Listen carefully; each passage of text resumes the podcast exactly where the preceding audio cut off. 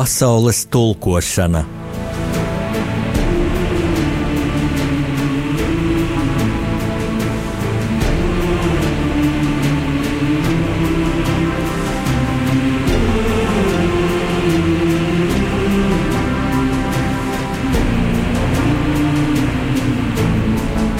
Studijā rakstnieks Jānis Udris.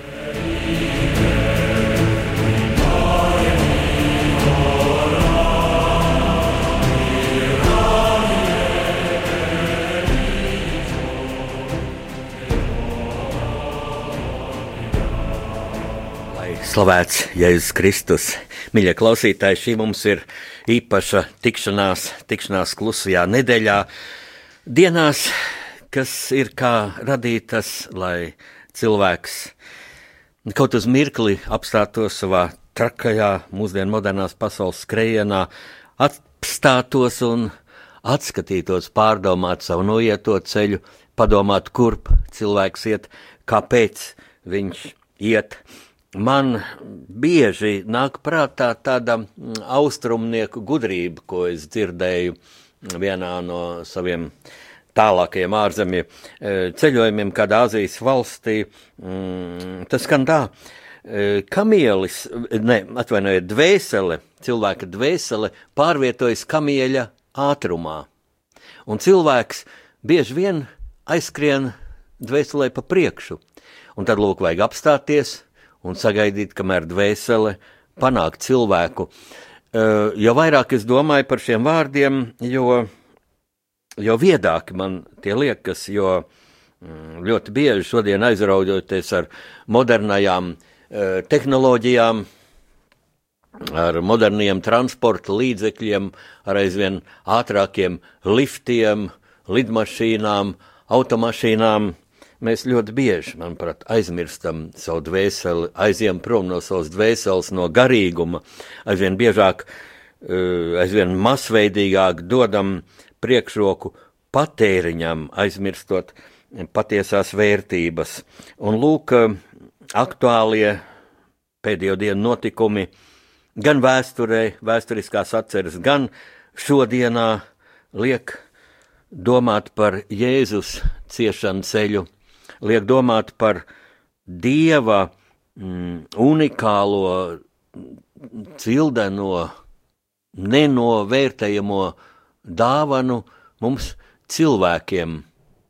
Dāvanu, kas ir iespēja dzīvot uz šīs skaistās, apbrīnojami skaistās planētas, un domāt par milzīgo atbildību, ko mēs cilvēki, mēs cilvēci esam saņēmuši ko Dievs mums ir uzlicis vienlaiks ar šo dāvanu, būt šīs cildenās dāvanas cienīgiem, atbildību, par kuru mēs tik ļoti, ļoti bieži, noziedzīgi bieži aizmirstam, atbildību, kuras cienīgi mēs tik bieži vien nesam.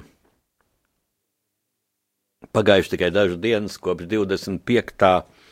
marta, dienas, kad ik gadu mūsu valstī uh, tiek izkārti pie mājām sēru karogi. Dienas, kad 1949. gadā tika deportēti vairāk kā 42 tūkstoši cilvēku, deportēti uz e, Sibīriju. Ik gadu runājot par šiem notikumiem, tiek minēti skaitļi. Mm. Man alaži Arī minot šos skaitļus, ka bez tiem ne, neiztikt, lai raksturot šī nozīguma apmērus, tomēr kaut kur mācas virsū šaubas, vai skaitļi īpaši gadu ritējumā nepārvērš tikai par statistiku, nu, notušējot, it kā aizēnojot patieso nozieguma, šī padome režīma nozieguma un patieso šo cilvēcisko traģēdiju dziļumu jo aiz katras, katra šī skaitļa ir cilvēku sagrauta dzīve, salauzts liktenis. Es šoreiz gribu arī dot jums pārdomām tādu salīdzinājumu, kā šī 49. gada deportācija izskatījās Latvijā kā Igaunijā un Lietuvā. Un varbūt kopīgi, aicinot kopīgi, padomāt, kāpēc tas bija tā. Lūk, no Latvijas 25. martā tika deportēti 42,149 cilvēki, tad vairāk nekā 42,000. Kopumā no Baltijas valstīm, trim Baltijas valstīm, jeb tobrīd okupētām Baltijas valstīm, kas saucās Padomju republikas, tika deportēti vairāk, nedaudz vairāk kā 90 tūkstoši cilvēku. Tātad no Latvijas gandrīz puse, gandrīz puse.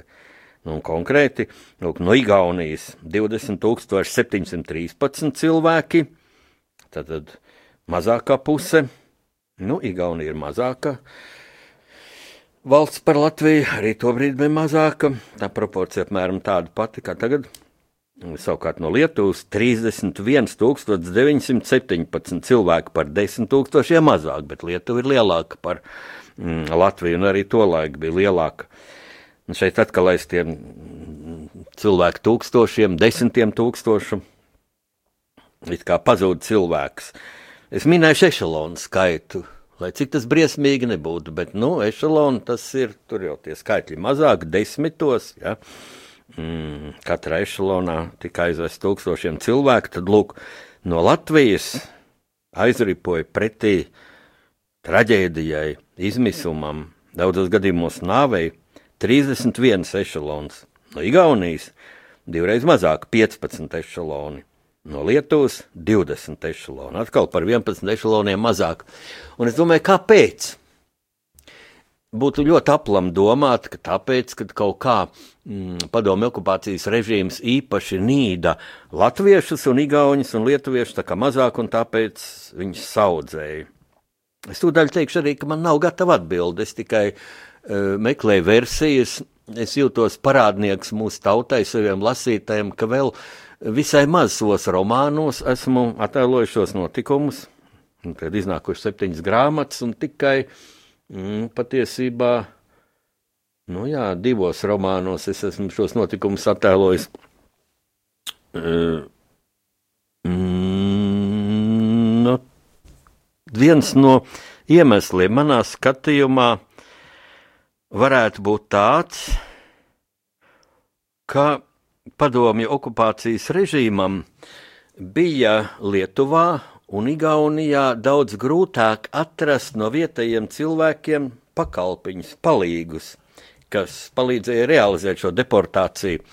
Jo, nu, ja Rīgā būtu ļoti viegli to izdarīt, un, un Rīgā tas arī notika savādāk kā lauku rajonos, lauku viensētās, uh, Rīgā nu, bija konkrēta cilvēka, konkrēts ģimenes adrese, un okupantiem bija pilsētas plāns, un viņi pat bez kāda vietējā ceļveža varēja pēc šīs pilsētas kartes aizbraukt attiecīgo māju, attiecīgajā ielā un tātad uzkāpt augšā līdz vajadzīgiem dzīvoklim un daudzīt ar dūri vai spērt ar kāju pa durvīm un iekšā un lūdzu jums, cik tur bija laiks dot saposties, un tas viss bija ļoti briesmīgi. Bet viņi var iztikt bez vietējiem palīgiem. Kamēr nu, vietējie palīgi bija, protams, pie šo sarakstu sastādīšanas, vietējie nodevēji, kas piedalījās jau šīs Kirkensteina valdības sastādīšanā un tā tālāk, un tā tālāk. Sapsit, no kuriem daudz pēc tam paši tika represēti. Bet lauku rajonos tas bija savādāk, jo Gan latvieši, gan lietuvieši un igauņi dzīvo lauku viensētās. To mēs labi zinām. Nu, tagad to ir grūtāk jaunai paudzei, to ir grūtāk spriest, jo, jo patiesībā jau visur ir, jebkurā apdzīvotā vietā, tomēr arī šie ciemati, ko kolhozu laikos sabūvēja, un, un, jā, un daudzās vietās tie ir skaisti. Un, Un cilvēkiem patiesībā arī tur ir ērtāk dzīvot, jo tur ir komunikācijas, tur ir ūdensvats, tur ir Tur ir uh, kultūras nams, tur ir veikals. No vienas vērtām tas ir grūtāk pieejams, taču latviešu mentalitātei tā nu ir iegājies gadu simteņos, ka latvieši dzīvo viensētās, nu un 49. gadā praktiski bija tikai tādas viensētas. Ja? Lauku cilvēki dzīvoja viensētās. Un lieluma lielā daļa deportējamo bija, lūk, saimnieki, turīgie saimnieki, kas dzīvoja šajās viensētās Kāpēc tieši uz šiem cilvēkiem krita padomju režīma tas naids, tā izvēle deportēt? Ja salīdzinām ar 41. gada 14. jūnija deportāciju, tad tur lielākā tiesa bija mm, inteliģence, pilsētu cilvēki, inteliģence, nu, lai, jā, lai dotu tādu pamatīgu triecienu mūsu tautas dvēselē, garīgumam, latviskai mentalitātei, lai iznīcinātu garīgos līderus, kuri, kuri var aicināt cilvēkus pretoties okupācijas režīmam. Nu, 49. gadā jau Latvijā bija demogrāfiskā aina daudz savādāka. No vienas puses, lūk, nebija šīs inteliģences, nebija to, kuri jau 41. gada jūnijā bija deportēti ļoti daudz redzami politiskie kultūras darbinieki, nu, un ļoti daudz, vairāk kā simts tūkstoši latviešu, galvenokārt gara darbinieki, bija otrā pasaules kara beigās, kurzemes katla laikā no kurzemes piekrastes, devušies bēgļu gaitās. Gan uz Vāciju ar vācu transporta kuģiem. Šie vācu transporta kuģi, kamēr vien kur zemē atradās šīs 30 vācu divīzijas, uz kurām Hitlers lika liels cerības, ka te būs viens no pladzarbiem atspērienam, atspērienu vieti jaunam, jaunai ofensīvai pret padomju armiju. Mm, nu, šiem, šiem karaspēka, mm, šīm divīzijām tika pievest visu laiku ieroči, tanki, liela gabala munīcija, nu un kuģi pēc at, atpakaļ devās tukšā, bet, nu, lai nebūtu tukšā, viņi uzņēma bēgļus.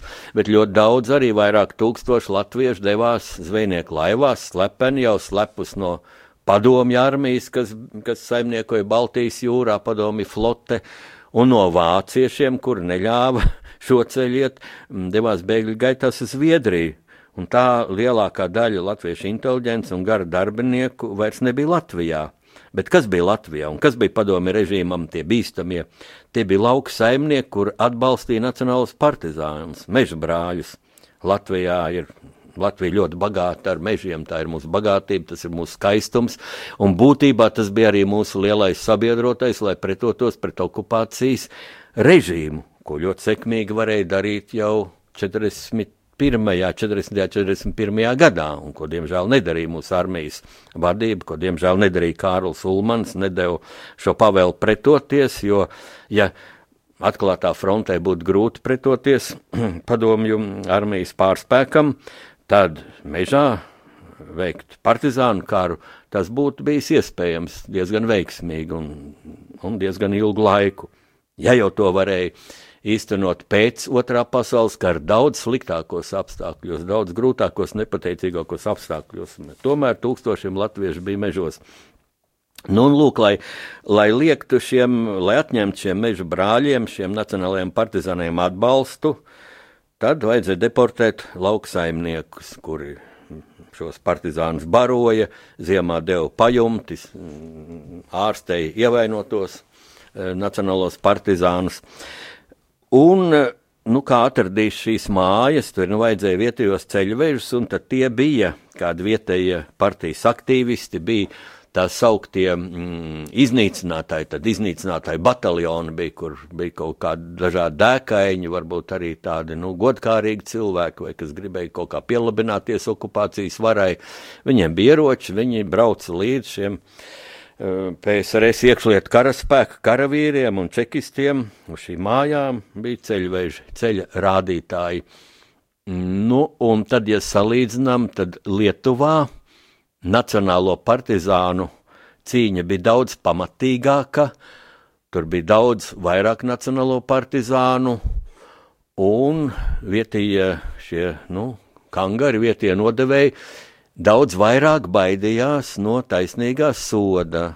Tāds ir viens no maniem skaidrojumiem. Līdzīgi, acīm redzot, arī Igaunijā, bet es vēlreiz saku, es nepretendēju uz kādu patiesību augstākajā instancē. Es aicinu mūs visus par to padomāt, jo tā mēs gadu no gada mm, atdodam godu šo deportēto cilvēku uh, piemiņai, īpaši tiem cilvēkiem, kuri gāja bojā vai nu badā, vai tika nošauti Sibīrijas izsūtījumā. Mm, es var, varētu vēl minēt daudz skaitļus, salīdzinot ar 41. gada 14. jūnija deportāciju, ko mēs arī atcerēsimies jūnija mēnesī. Uh, es tikai gribu tagad klusajā nedēļā mm, paust tādu domu, ka toreiz, gan 41, nu jā, 49. gadā, daudzi no deportētiem cilvēkiem lieldienas uh, sagaidīja uh, šajos deportēto ešalonos. Ešaloni ceļā bija nedēļu, vairākas nedēļas. Un tad arī bija tā, ka cilvēki, daudz cilvēku tur nomira. Lūk, ceļā 49. Ah, tie ir man dati par 41. gada 14. jūniju kur vēl briesmīgākos apstākļos cilvēki tika deportēti. Mm, daudz lielāks upu, upuru procents bija, ja tā deportēja nu, trīs reizes mazāk cilvēkus. Vairāk padomu režīms toreiz nepago deportēt. Drīz sākās arī karš, Vācijas uzbrukums. Bet lūk, ceļā 41. gada 14. jūnijā e, mīra 32 cilvēki. Briesmīgāk skan fakts, ka Mīra, ka jaunākais no viņiem bija vienu dienu vecais Arvīds Baumans, puisīts, kurš piedzima 14. jūnijā. Un, ziniet, mīļie klausītāji, kad es tā domāju šos skaitļus, šos, um, it kā šo nāves statistiku, Un vēl noteikti ir jāņem vērā tas, ka ne jau tikai 41. gada 14. jūnijā, ne jau tikai 49. gada 25. martā latvieši tika izsūtīti, piemēram, mans tētis tika izsūtīts 44. gada mm, oktobrī, tūlīt kā padomju armija mm, otrais okupēja Rīgu, gluži vienkārši arestēja. Sākumā it kā iemesls bija iesaukts sarkanajā armijā, jo viņš nebija gribējis dienēt Vācijas armijā, viņam bija atņemti dokumenti, viņš aizgāja pēc dokumentiem, un, nu, viņam vajadzēs dienēt sarkanajā armijā, bet jau nākamajā dienā tai vietai, kur, kur viņam tā teikt bija jāpārnakšņo kopā ar simtiem citiem latviešiem, kas bija iesaukšanas vecumā šai padomju armijā. Nākamajā dienā tur jau bija dzeloņu drāšu žoks riņķī, vēl pēc dienas, kad mamma aizgāja skatīties, kā tur ir. Tas bija citadēls kazarmās, tepat Daugomalā. Uh, tad viņi jau bija aizsūtīti Sibīrijā, un mamma um, nezināja, nezināja vairākus gadus, vai mans teicis ir dzīvs, kur viņš ir. Es piedzimu, teicis, bija izsūtījumā. Mm, līdzīgi, ļoti līdzīgs liktenis bija manam onkulim, slavenam pirmskara Latvijas sportistam, grieķu romiešu cīņā. Tagad tā sauc klasiskā cīņa. Viņu sauc Georgs Ozoliņš, viņa lielākais sasniegums bija sudraba medaļa Eiropas čempionātā. Nu, viņš Džeskas ganas nometnē mm, tika nogalināts. Atsliecinieks stāstīja, ka viņš, viņš bija ļoti stiprs, skaists, nu, kā cīkstons, un šie mm, iekšlietu karaspēka nu, es teiktu, zem cilvēki. Viņi jau arī ņirgājās par, par mm, izsūtītajiem. Un par viņu īpaši ņirgājās, un tur lika īpaši smagas uh, ķeras stumt ar, ar, ar to rūdu, ko tur viņi raka. Un vienreiz viens tā ņirgājās, un viņš ar tādu cīkstoņu paņēmienu nosviet gar zemi to sargu. Nu, domājams, nu, kā vīrietis vīrietim parādījis, redz, ka, nu, ne, tu nemaz neesi tik liels un varans, jā. Tā nesāpīgi nosviet gar zemi, un saskrēja bar sargu ar lāpstām, un viņi nosita. Un tas ir smags temats, bet visu to atceroties, tas ir paradoxāli, bet man visvairāk nāk prātā stāsts, ko padomju okupācijas laika beigās jau es, citu, daudz gadus vācu mm, šo deportēto cilvēku, deportācijas izdzīvojušo cilvēku atmiņas. Un, lūk, vienā šādā deportēto cilvēku tikšanās reizē, mm, mazajā ģildē, mm, es dzirdēju vienas sievietes stāstu, ka viņa bija maziņa. Un viņa kopā ar vecākiem bija Torņkalna stacijā, lūk, šajā lopu vagonā, uh, Viņa bija uzcelta uz lāviņas, augšējās lāviņas, un tieši viņa atradās pie tāda maza lodziņa, kas aizvilkts ar dzeloņu drātīm. Un visiem ļoti gribējās dzert. Slāpa, ūdens nebija. Nārā sāka līt. Un tad viņai māma iedeva krūzīti, kas bija līdz paņēmusies, un viņa savu mazo rociņu un kaut kā ar to krūzīti izbāza ārā starp dzeloņdrātīm, kas bija logam priekšā. Un turēja, lai nu tur lietas iepilētu iekšā. Un ieraudzīja to sārks un pienāca un apstājās lejā un skatījās. Un meitenīte gribēja vilkt roku iekšā atpakaļ ar to krūzīti. Bet sārks tā pasmaida, saka, davai, davai, ģevška, davai, davai, un parāda, lai, nu, labi, labi, meitenīt, lai to ūdeni, lai tek tas ūdens. Un meitenīt turēja to krūzīti, Un, kad pieteicēja pilna, un ka viņi gribēja vilkt atpakaļ, tas sarkarējus paņēma ar šauteni. Viņiem bija tāds garš šautenis Krievu okupantu armijā. Garas, vecas daudziem, tā armija bija slikti bruņot, bet nu šauteni paliek šauteni. Durklis galā, un viņš ar to durkli izsita bērnam to krūzīti no rokām. Un es nezinu, kāpēc, bet man Lūk, šis gadījums daudz dziļāk guļ sirdī, kā tie skaitļi par nonāvētiem cilvēkiem, par cilvēkiem, kas atgriezās ar iedragātu veselību. Es kaut kā ļoti tā skaidri varu iztēloties vizuāli to meitenīti, to krūzīti, to lietu ūdeni, kas tur pilīt pa pilītē satecēja. Un galvenais šis gadījums parāda, kas tie bija par cilvēkiem, Nu, tie nebija cilvēki, zemcilvēki, kas īstenoja šos padomju okupantu plānus. Un šo epizodi es esmu aprakstījis arī savā jaunajā romānā Bruņnieks Leitnants Rubenis, Bruņnieks Roberts. Nu, mīļie klausītāji, es tā jūtu, jums skumji. Nu, ko darīs? Tāda ir mūsu vēsture, un ja nebūtu skumjo brīži, tad mums arī būtu grūti mm, nu, tā attiecīgi novērtēt laimes brīžus, kurus mums Dievs dod tik daudz. Nu, šis ir tāds skumju mm, pārdomu laiks, un tad arī paklausīsimies mūziku, kas atbilst šādām pārdomām.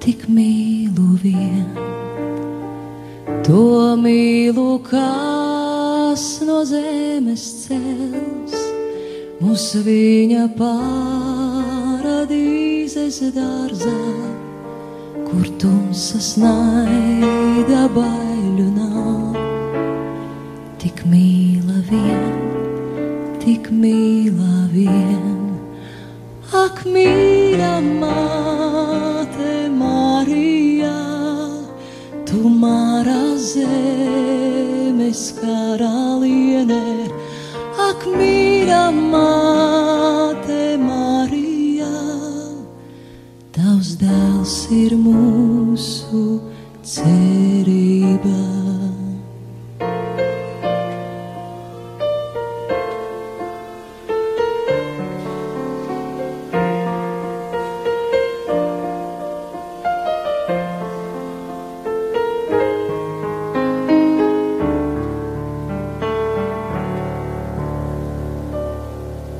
Tavs dēls saka, māte Marija, pat nebaidījies ļaudis dzīvot un prātā nāvi uzvarēt.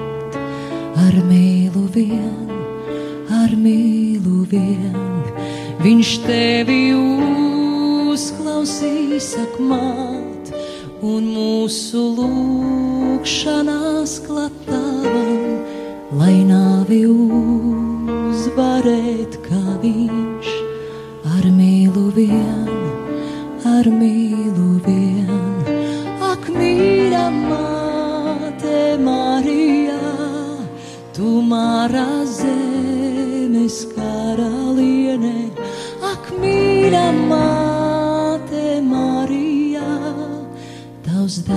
ir mūsu ticībā. Ak mīļa māte Marija, tu mārā zemes karaliene, ak mīļa māte Marija. Tavs dēls ir mūsu ticībā.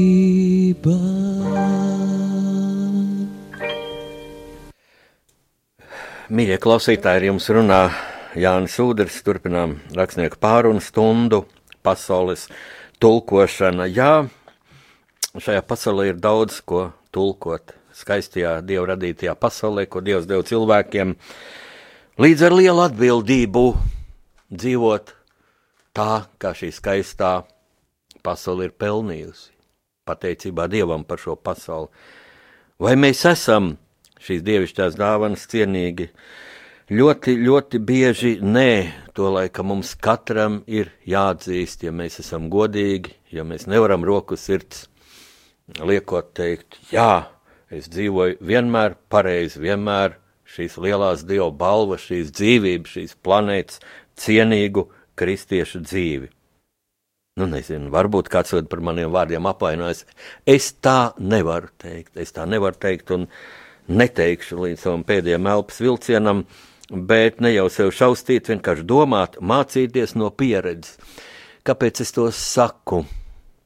Mums svētdien, 25. martā, Latvijā bija izlikti sēru karogi. Vakar sēru karogi bija izlikti Krievijā. Krievijā nacionālās sēras, jo 25. marts Krievijai, mūsu lielai kaimiņu valstī, atnesa briesmīgu notikumu.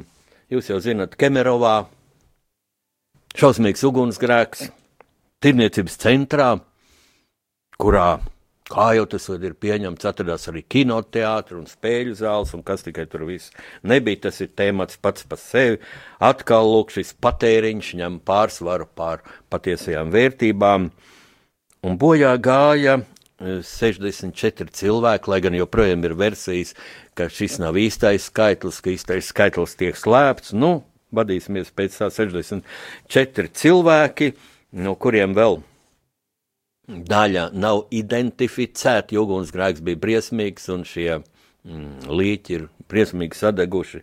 Bet, bet tas briesmīgākais, ka 41 no šiem bojā gājušiem bija bērns bērns.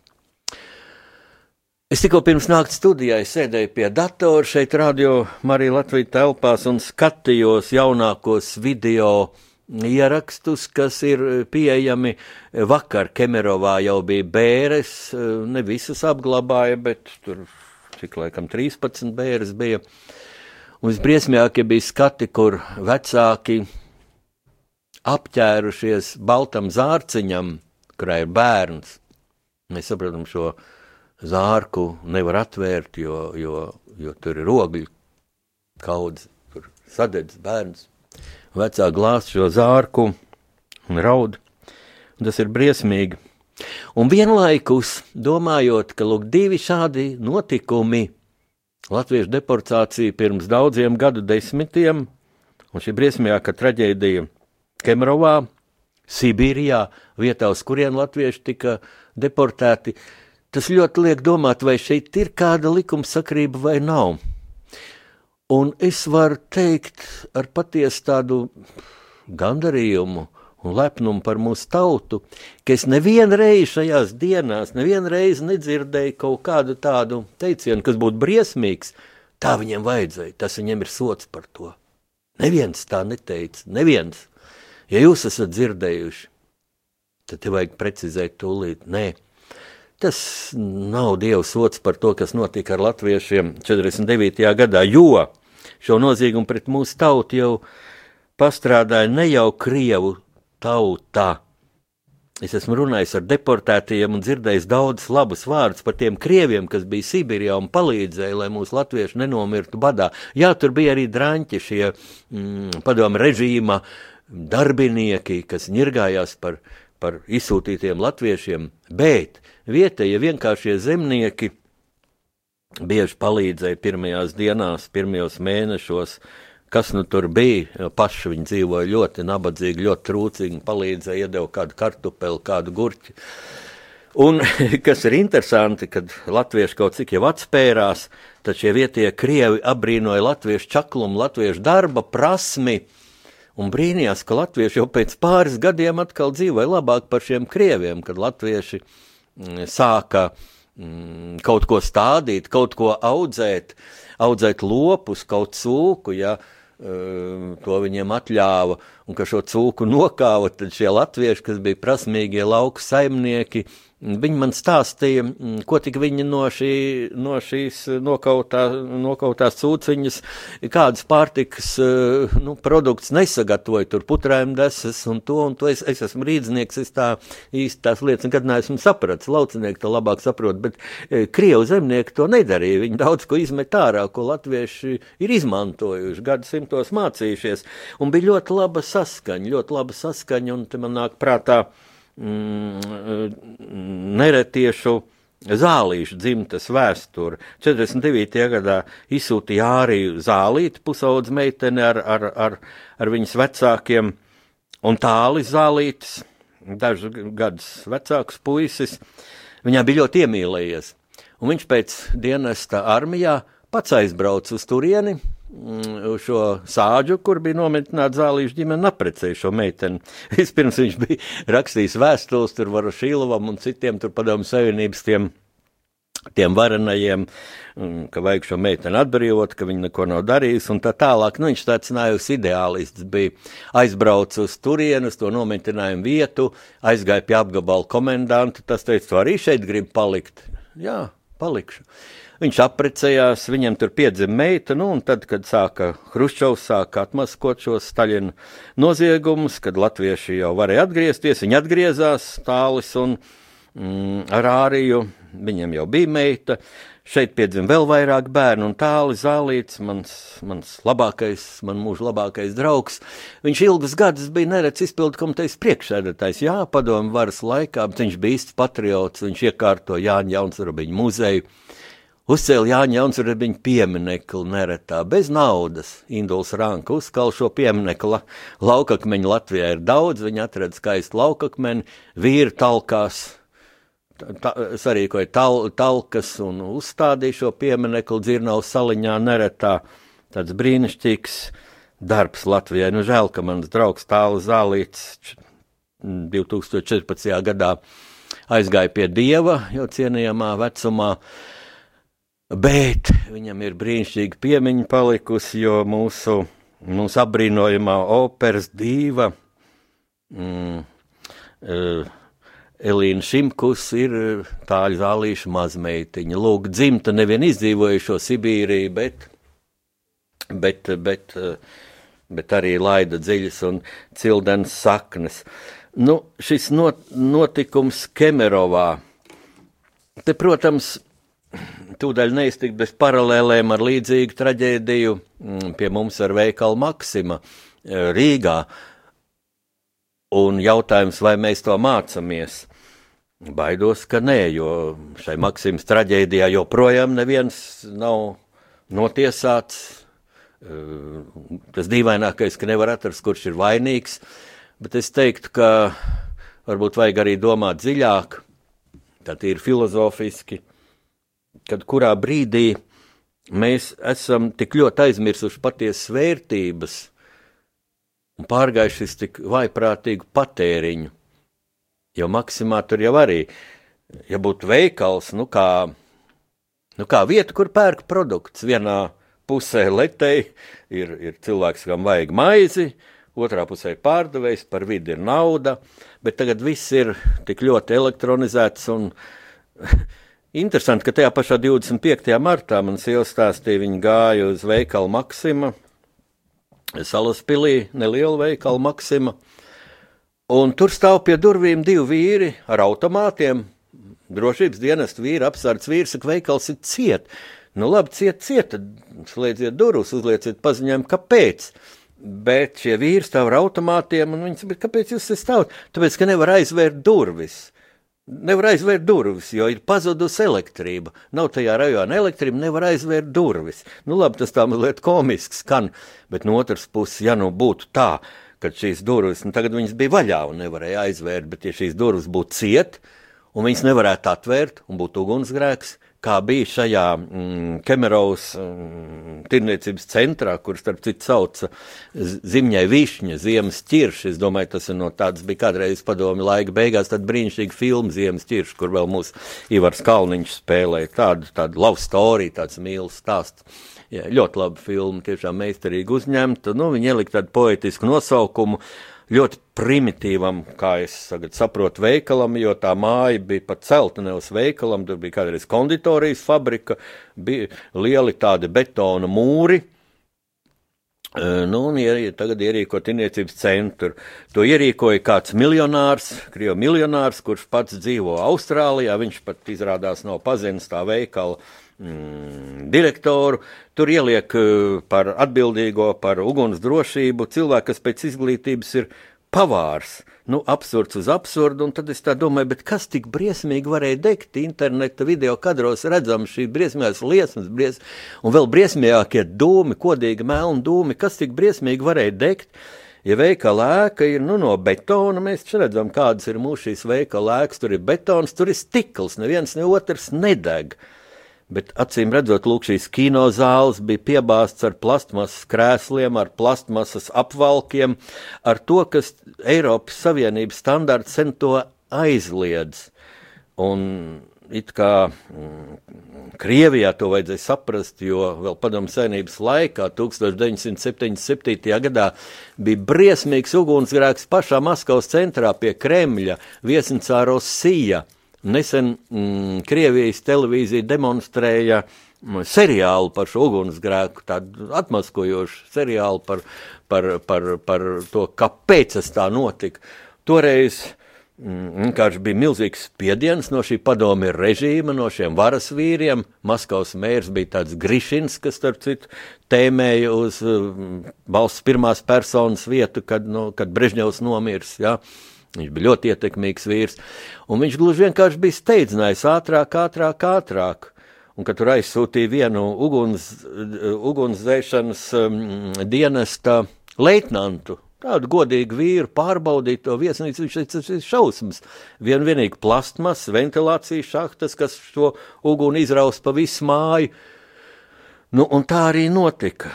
Tad mēs redzam, ka šī Krievija to absolūti nav ņēmusi vērā. Nu, kā tas mums ies Latvijā, vai mēs mācāmies no nelaimēm. Man atkal kaut kā sirdī iekrita gadījums, varētu teikt, nu, mazāks gadījums, mazāk traģēdija. Viens puisīts, kurš mežā nosala, apmaldies mežā nosala, nomira badā pagājušajā gadā. Un prātā šī puisīša acis, kā viņš skatās uz mums. Mīļš tāds, nu, krievu puisīts. Viens iekāpa autobusā, apmaldījās. Nevienam nenāca prātā, ka bērnu nevar laist vienu kāpt no autobusa ārā. Vajadzēja paprasīt, vai tu zini, kur tu iesi, kur tu iesi. Labi, es tev iešu līdzi, parādi, kur tu iesi. Bērns bija apjūts, viņš nomira. Bet es tagad lasu atkal un atkal ziņas, ka, lūk, biļešu kontrolieri kādu bērnu kuram vai nu tiešām nav tā biļete līdzi, viņš ātrumā nevar atrast. Nu, varbūt bērns bija palaidnis, māmiņa iedeva naudu biļetē, viņš nopirka saldējumu un, un, un mēģināja braukt pa zaķi. Nu, nu, vai tādēļ. Vai tādēļ var izskait ar bērnu drošību, bet viņi izseidina ārā no autobusa. Pēc tam policija kaut kādu šausmīgu, muļķīgu atbildi iedod cilvēkiem, kurus sūdzās, ka nu, bērnam nekas nekaitēja, nu, izkāpa ārā. Cilvēki pat dumjas komentārus raksta, gadījums bija salaspilī, raksta salaspilī no jebkuras vietas var aiziet mājās, kājām. Nu, tu vari aiziet kājām, ja tu esi pieaugušs cilvēks, zini to salaspilsētu. Salaspilsēta, starp citu, ir ļoti liela pēc teritorijas, jau arī pēc iedzīvotāju skaita. Es kādreiz arī tā domāju, tur kā daži tūkstoši cilvēku dzīvo, ne, tur pāris desmit tūkstoši cilvēku dzīvo un ir ļoti liela teritorija un diezgan sarežģīts ielu veidojums. Tur var ļoti apmaldīties, īpaši jau bērns, arī pieaudzis. Mēs nemācāmies no šiem gadījumiem.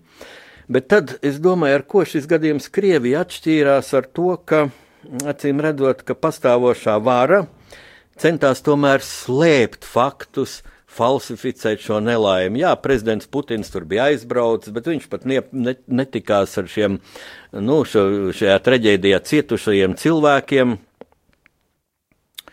Un tā, nu, cīnīsim, Kalngals laikam diska internetā izplatīja tādu fotogrāfiju, ka, lūk, Putins apmeklē vienu šajā avārijā cietušo, un tur, nu, tur pat, nu, tur jābūt muļķim, lai neredzētu, ka tas, kas tur guļ tajā gultā, un pie kura Putins tās, tā, tā sērīgi stāv, ja tā līdzjūtīgi skatās, ka tas ir ražēni noaudzis vīrietis, tas ir Tas ir apsardzes cilvēks. Ja? Nu, varbūt viņš tur bija mazliet ar dūmiem saindējies, bet viņam ir siksna ap vidu, ja viņš nav noģērbts kā slimnīcā cilvē, cilvēku, mm, ievainotu cilvēku, tūlīt noģērbi, izmeklē, viņam kājas ir apautas. Ja?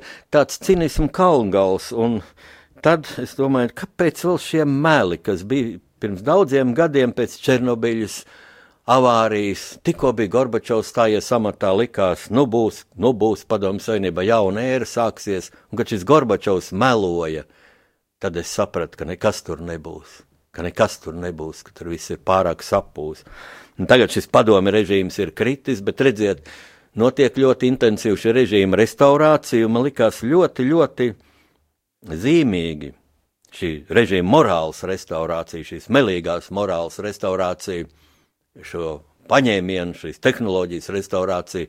Man likās ļoti zīmīgi, kad Kemerovā radās spontāns mīteņš, sākumā pārsimt cilvēku, pēc tam 4000 pēc aplēsēm, un viņi sapulcējās pie vietējā valdības nama, eh, centrālajā laukumā, un tajā laukumā stāv Ļeņina piemineklis ar muguru ar pēcpusi, tā teikt, pret šiem sašutušajiem cilvēkiem, kas būs slepkavas, atkāpties mēram, atkāpties gubernatoram, bet Ļeņins stāv ar pacelt roku uz priekšu, uz komunismu. Nu, tagad vēl brīdis mazliet muzikai.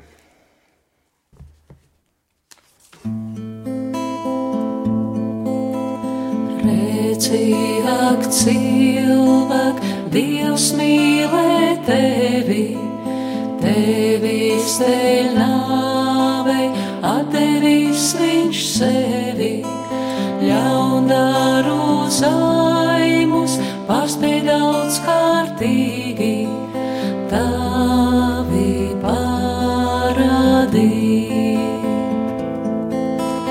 Lūk, ļaužu tiesai nodots debes ķēniņš, pacietīgs tas, ka navei nolēns jēriņš, viņš klusā gārā, ļaužu dievas saimus, panesa visus.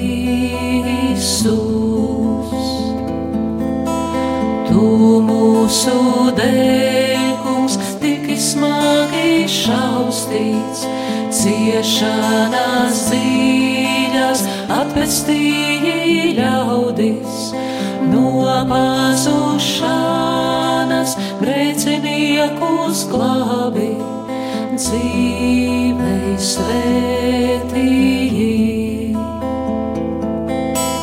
Izsmieklam tevi, te pa purpurdrānās, lika tev asu, ekšķu kronī galvā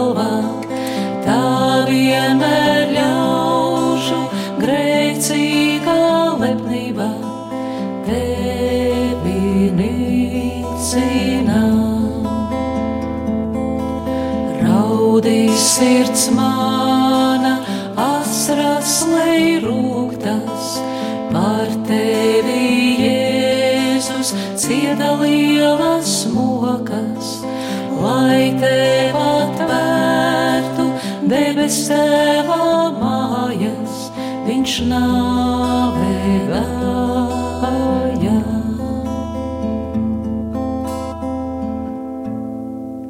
Slavēts Jēzus Kristus ar jums kopā joprojām Jānis Udris.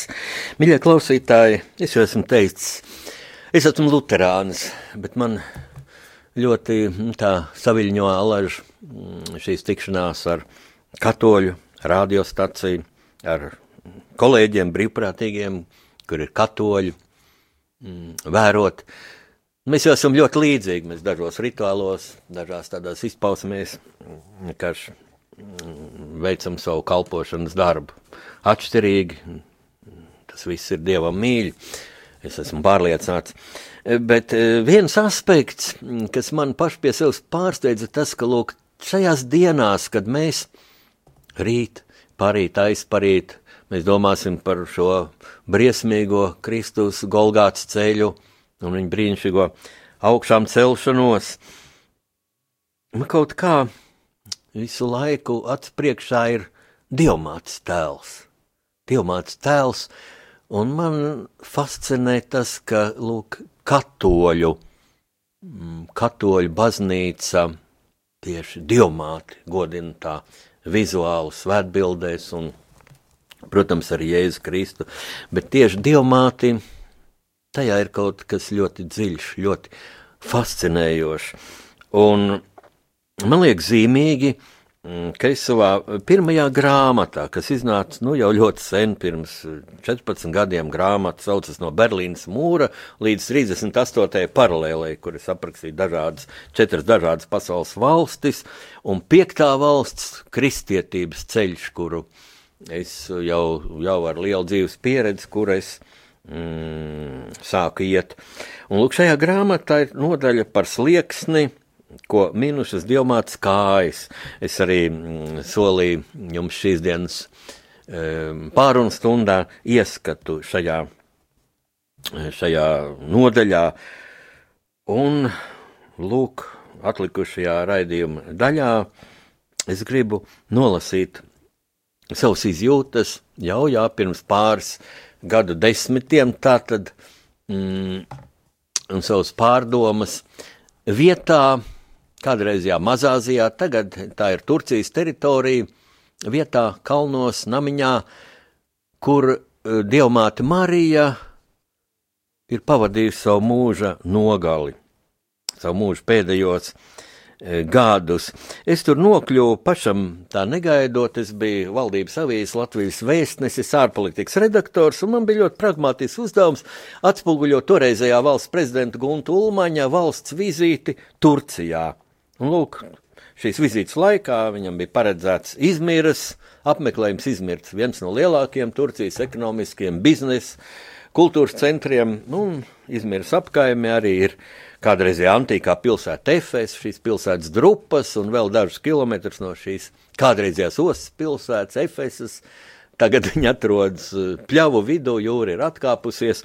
Lūk, tur arī bija šī diamāts māja, bet šo nodaļu ievadīja tādas manas pārdomas. Latvijā un svešā zemē skatīti tūkstošiem Jēzus Kristus portretu un skulptūru.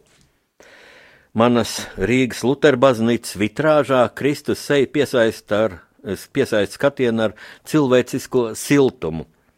Šī šķietam ikdienišķā pestītāja sejas izteiksme vedina domāt, cik patiesībā tūs cilvēkiem bijis un ir Dieva dēls, kuru radītājs sūtīja virs zemes, lai mēs kļūtu labāki.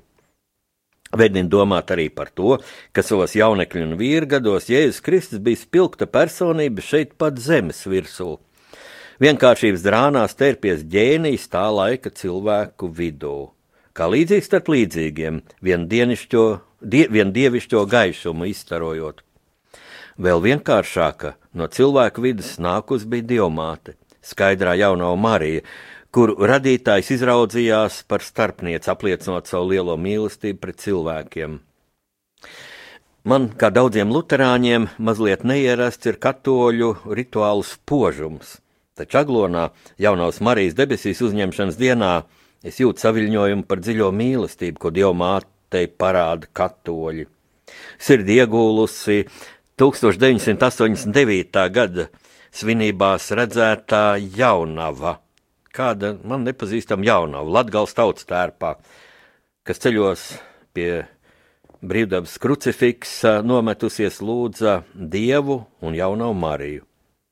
Bet viņa virs galvas ap krucifiksu sadegto svecīšu gaismā mirdzēja zeltaina aura, gandrīz kā nimps svēto attēlos. Tagad es zinu, ka šāda aura cilvēkiem dod īpaši gaišas domas un dziļa ticība. Tiesa, Dievmāte manās domās vispirms saistās ar Dievu dēlu, jau pēc viņa augšām celšanās, jau debesīs, kur viņš sēdies pie savu tēva labās rokas, no kurienes viņš atnāks tiesāt dzīvos un mirušos. Un ir tik grūti iztēloties, ka jaunā Marija savā zemes dzīvē arī veica sievietes ikdienišķos pienākumus, gāja pēc iepirkumiem, slauca istabu, Mazgāja nevien savu vīru Jāzepu, bet arī dieva dēla kreklus, rūpējās, lai viņiem būtu svaigs maijas rieciens galdā. Vēl mazāk mēs zinām un domājam par dievmātu zemes gaitām pēc traģiskās jēzus augšām celšanās dienas. Lūk, 998. gada februārī izlidojot uz Turciju, lai atspoguļotu prezidenta Ulmaņa valsts vizīti, man pat prātā nenāca, ka nonākšu vietā, kur lielu savu mūžu daļu pavadīs dievmāte. Šo atsvešinātību manī vēl padziļināja Turcijas musulmaniskais kolorīts un prezidenta vizītes anturāža. Policijas mašīnas, sirēnas, turku drošības dienesta meitenes, jā, meitenes viņiem drošības dienestā ļoti daudz ir ar automātiem rokās. Un tikai vizītes vidū, kad Ankara ar politiskajām sarunām jau bija aiz muguras, žurnālists darba steiga mazliet pierimusi un mūsu ceļš veda gar gleznojumu no Egejas jūras piekrastes, beidzot sajūta, ka esmu kādreizajā Mazāzijā. Tepat bija 4000 gadu vecās Efezes drupas. Egejas jūra daudzos gadsimtos atkāpusies par pāris kilometriem, un kādreiz varenos ostas akmeņus tad ieskauja ganības. Ceļniekam sākumā grūti aptvert, ka šeit savā laikā greznojies unikālais Artemīdas templis, viens no septiņiem pasaules brīnumiem, ko vēl 356. gadā pirms Kristus Maķedonijas Aleksandra dzimšanas dienā nodedzināja Herostrāts. Mēs klīdām pa arheologu atsektajām Efezes drupām, e, pa tūkstošiem gadu veco amfiteātri, cerēja atrast Jēzus mīļākā mācekļa kapa vietu, ja apustulis Pāvils, apustulis Jānis, Jānis šeit miris simt gadu vecumā. Bet Efeizes apkaimē noslēgušās arī dievmātes šīs zemes gaitas. Būdams tā kunga mīļākais māceklis, Jānis jau Jeruzalemē pēc jēzus aiziešanas bija paņēmis pie sevis un kopis pestītāju māti. Kad pēc Pāvila un Pētera nāves, bailēs arī par savu dzīvību, Jānis devās uz Mazāziju, viņš uz Efesu atveda arī dievmāti. Taču laikam jau bēdu pārņemtā Marija pati nevēlējās dzīvot to laiku skaļajā ostas pilsētā. Par viņas mājokli tika izraudzīts neliels mūra namiņš kalnos, netālu no septiņu gulētāju alas kilometrus desmit no Efezas. Uz jaunās Marijas māju ved šaurs līkumains kalnceļš, kas izvijies starp priežu, mežu un klintīm, dažkārt pavarot gleznainu skatu uz tālu lejā gulošo Egejas jūru. Nu, lūk, ceļš uz divmāts kādreizējo māju. Šeit arī es savu lasījumu beigšu, un, ja jums ir interesi, tad turpināšu pēc divām nedēļām, kad mēs atkal tiksimies Rādio Marija Latvijā, rakstnieku pārunu stundā pasaules tulkošana. Tas ir tas, ko es e, pagūvu mm, šodien pateikt jums, mīļie klausītāji, lai Dievs jums jūs svētī un sargā, lai jums gaiši Kristus augšām celšanās svētki.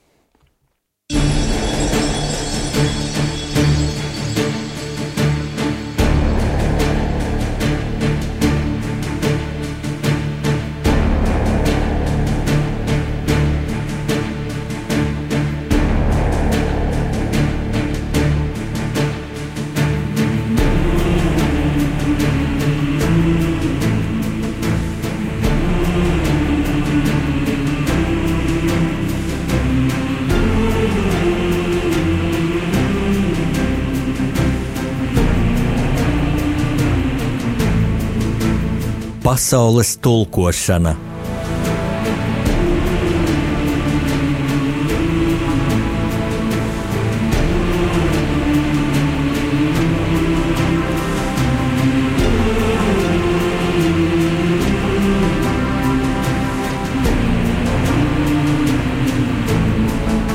Studijā rakstnieks Jānis Udrichs.